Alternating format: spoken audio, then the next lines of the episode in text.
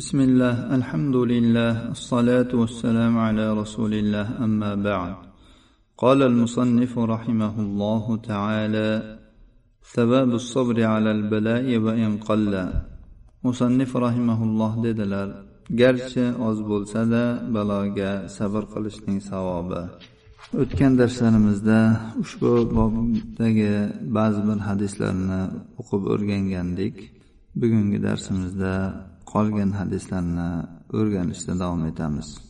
وعن ابي سعيد وابي هريره رضي الله عنهما عن النبي صلى الله عليه وسلم قال ما يصيب المؤمن من نصب ولا وصب ولا هم ولا حزن ولا غم حتى الشوكه يشاكها الا كفر الله بها من خطاياه رواه البخاري ومسلم ولفظه قال ما يصيب المؤمن من وصب ولا نصب ولا سقم ولا حزن حتى الهم يهمه إلا كفر به من سيئاته.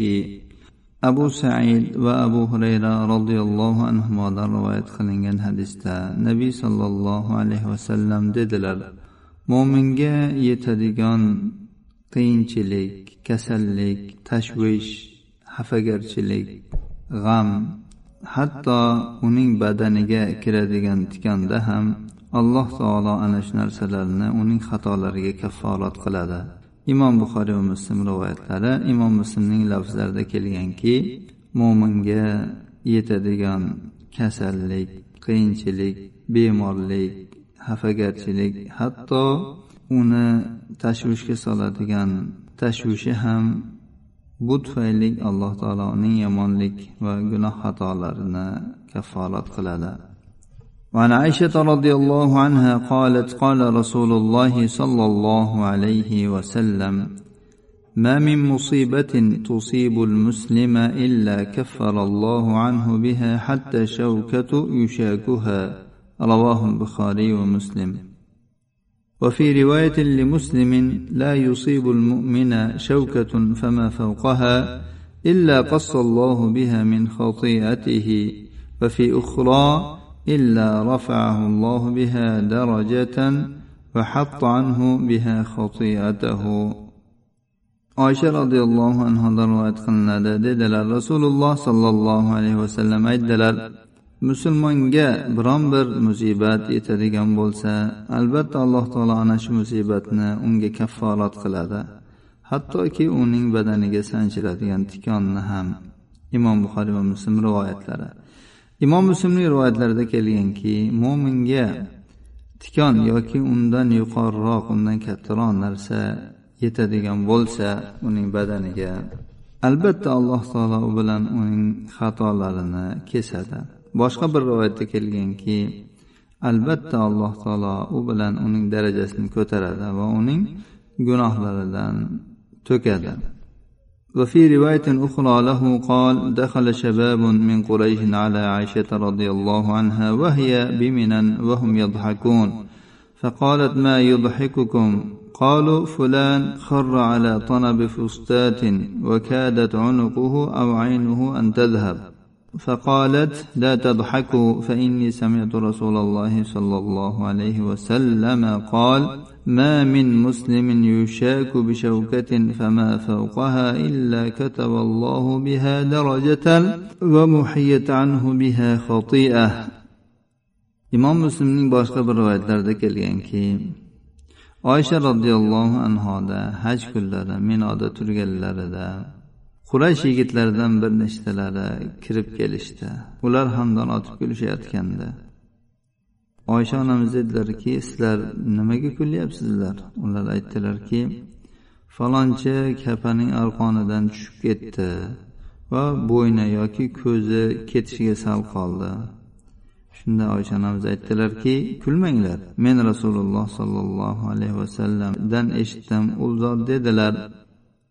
qay bir musulmonga biror tikon sanchiladigan bo'lsa yoki undan ko'ra kattaroq narsa bo'ladigan bo'lsa albatta alloh taolo unga ana shu tufayli daraja yozadi va undan bir xato o'chiriladi وعن معاوية رضي الله عنه قال سمعت رسول الله صلى الله عليه وسلم يقول ما من شيء يصيب المؤمن في جسده يؤذيه إلا كفر الله عنه به من سيئاته رواه أحمد muaviya roziyallohu anhudan rivoyat qilinadi dedi men rasululloh sollallohu alayhi vasallamni shunday deyayotganlarini eshitdim mo'minning jasadida unga ozor beradigan biror narsa yetadigan bo'lsa albatta alloh taolo u bilan uning gunohlarini kafforat qiladi imom ahmad rivoyatlari ushbu hadisga sahih targ'ibot tarhibda uch ming to'rt yuz o'n ikkinchi raqam ostida hasanun sahih deb hukm qilingan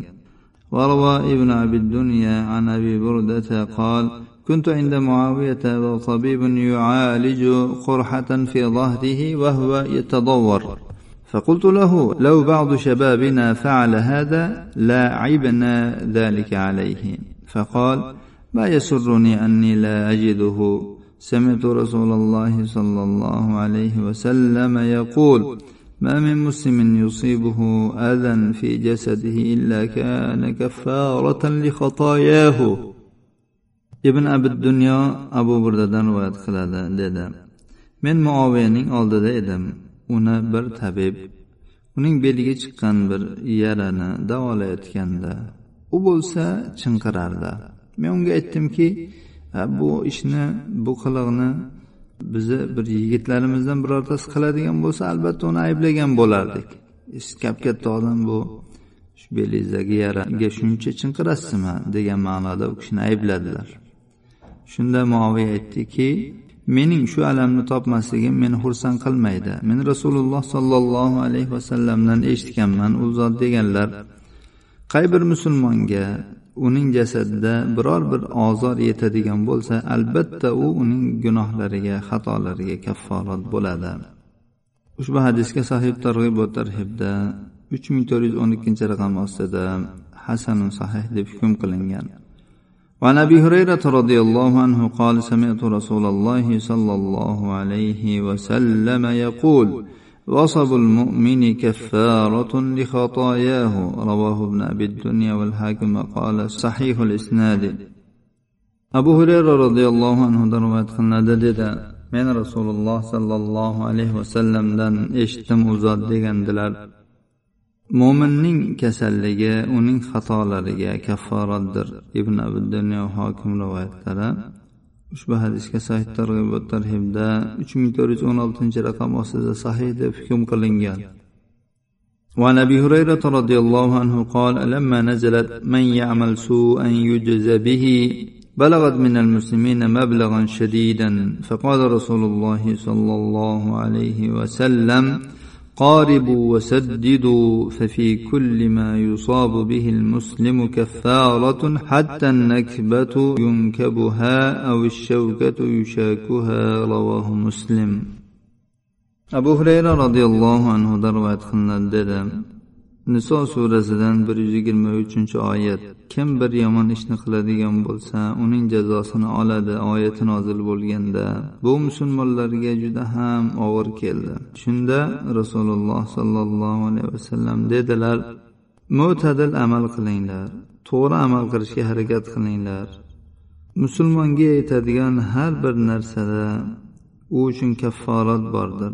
Hattoki uning toyilishida ham yoki badaniga sanchiladigan tikanda ham imom muslim rivoyatlari sababul marodi va saqami kasallik va bemorlikning savobi عن عائشة رضي الله عنها أن النبي صلى الله عليه وسلم قال إذا اشتكى المؤمن أخلصه الله من الذنوب كما يخلص الكير خبث الحديد رواه ابن أبي الدنيا في كتاب المرض والكفارات والطبراني وابن حبان oysha roziyallohu anhodan rivoyat qilinadi nabiy sollallohu alayhi vasallam dedilar mo'min banda biror kasallikdan shikoyat qilsa biror kasallikka yo'liqsa xuddi bosqon temirning kirliklaridan tozalagandek alloh taolo uni gunohlaridan tozalaydi ibn abi dunyo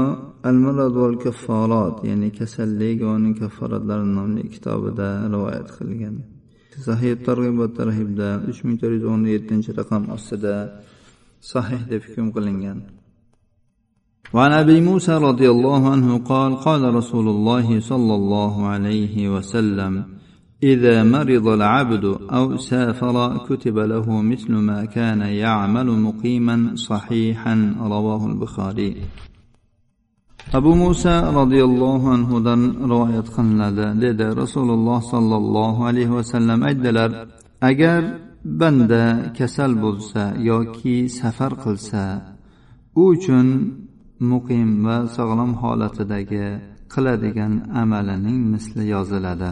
Imom buxoriy rivoyatlari. Haqiqatda banda sog'lom va muqim holatida ko'p yaxshi amallarni qiladi. biroq unga bir kasallik yetadigan bo'lsa kasallikning ta'siridan yoki safar qiladigan bo'lsa safar mashaqqatlari va mashg'ulotlari tufayli ana shu odatda qilib yurgan amallarni qilolmay qoladi alloh taoloning fazli marhamatidan shunday holatda uning doimiy qilib yurgan amallari to'laligicha yozilaveradi عن عبد الله بن عمرو رضي الله عنهما عن النبي صلى الله عليه وسلم انه قال ما من أحد من الناس يصاب ببلاء في جسده إلا أمر الله عز وجل الملائكة الذين يحفظونه قال اكتبوا لعبدي في كل يوم وليلة ما كان يعمل من خير ما كان في وثاق. وفي رواية قال رسول الله صلى الله عليه وسلم إن العبد إذا كان على طريقة حسنة من العبادة. ثم مرض قيل للملك الموكل به اكتب له مثل عمله إذا كان طليقا حتى أطلقه أو أكفته إلي. رواه أحمد والحاكم بنحوه وقال صحيح على شرط البخاري ومسلم. Abdulloh ibn amr roziyallohu anhudan rivoyat qilinadi. Nabiy sollallohu alayhi vasallam dedilar odamlardan qay birining jasadida bir balo yetadigan bo'lsa albatta olloh azza va jalla uni saqlab turadigan farishtalarga buyuradi. Alloh taolo aytadiki bu bandam uchun modomiki u mening bandimda bo'lar ekan. Har kecha kunduzda u odatda qiladigan yaxshilikni yozib turinglar. Boshqa bir rivoyatda kelganki rasululloh sollallohu alayhi vasallam dedilar banda ibodatdan chiroyli bir yo'sinda bo'ladigan bo'lsa unga muvakkal qilingan farishtaga aytiladi. U uchun erkin holatda bo'lgan amalini yozgin. To men uni yana erkin holatga qo'ygunimgacha yoki men uni o'zim tomonga olgunimcha ya'ni uni ruhini qabz qilib olgunimgacha imom ahmad hokim rivoyatlari ushbu hadisga sahih targ'ib va tarhibda uch ming to'rt yuz yigirma birinchi raqam ostida sahih deb hukm qilingan وعن انس بن مالك رضي الله عنه قال قال رسول الله صلى الله عليه وسلم إذا ابتلى الله عز وجل العبد المسلم ببلاء في جسده قال الله عز وجل للملك اكتب له صالح عمله الذي كان يعمل وإن شفاه غسله وطهره فإن قبضه غفر له ورحمه. رواه أحمد ورجاله ثقات. anas ibn molik roziyallohu anhudan rivoyat qilinadi dedi rasululloh sollallohu alayhi vasallam aytdilar agar alloh azza va jalla bir musulmon bandani jasadida biron bir baloga mubtalo qiladigan bo'lsa alloh azza va jalla farishtaga aytadi u uchun u qilib yurgan yaxshi amalini yoz. Agar alloh taolo unga shifo beradigan bo'lsa uni yuvib poklab qo'yadi ya'ni gunohlardan. Agar uni ruhini qabz qiladigan bo'lsa uning gunohlarini kechiradi va unga rahm qiladi. Imom ahmad rivoyatlari ushbu hadisga sahih targ'ib va tarhibda uch ming to'rt yuz yigirma ikkinchi raqam ostida hasanu sahiy deb hukm qilingan. Alloh subhanahu va taolodan yuqorida o'qib o'tilgan hadislarga chiroyli amal qilish musibat yetgan paytlarda unga chiroyli sabr qilish va alloh subhanahu va taolodan mashg'ul qiladigan kasallik safar va bundan boshqa holatlar yetishidan avval chiroyli go'zal alloh taologa xush keladigan amallarni qilishimizga muvaffaq qilishini. Agar shunday holatlarga yetadigan bo'lsak alloh subhanahu va taolo bizga ana shu amallarimizni to'la mukammal yozib turishini alloh taolodan so'raymiz. Hada va sallallohu ala nabiyina muhammad va ala alihi va sahbihi vasallam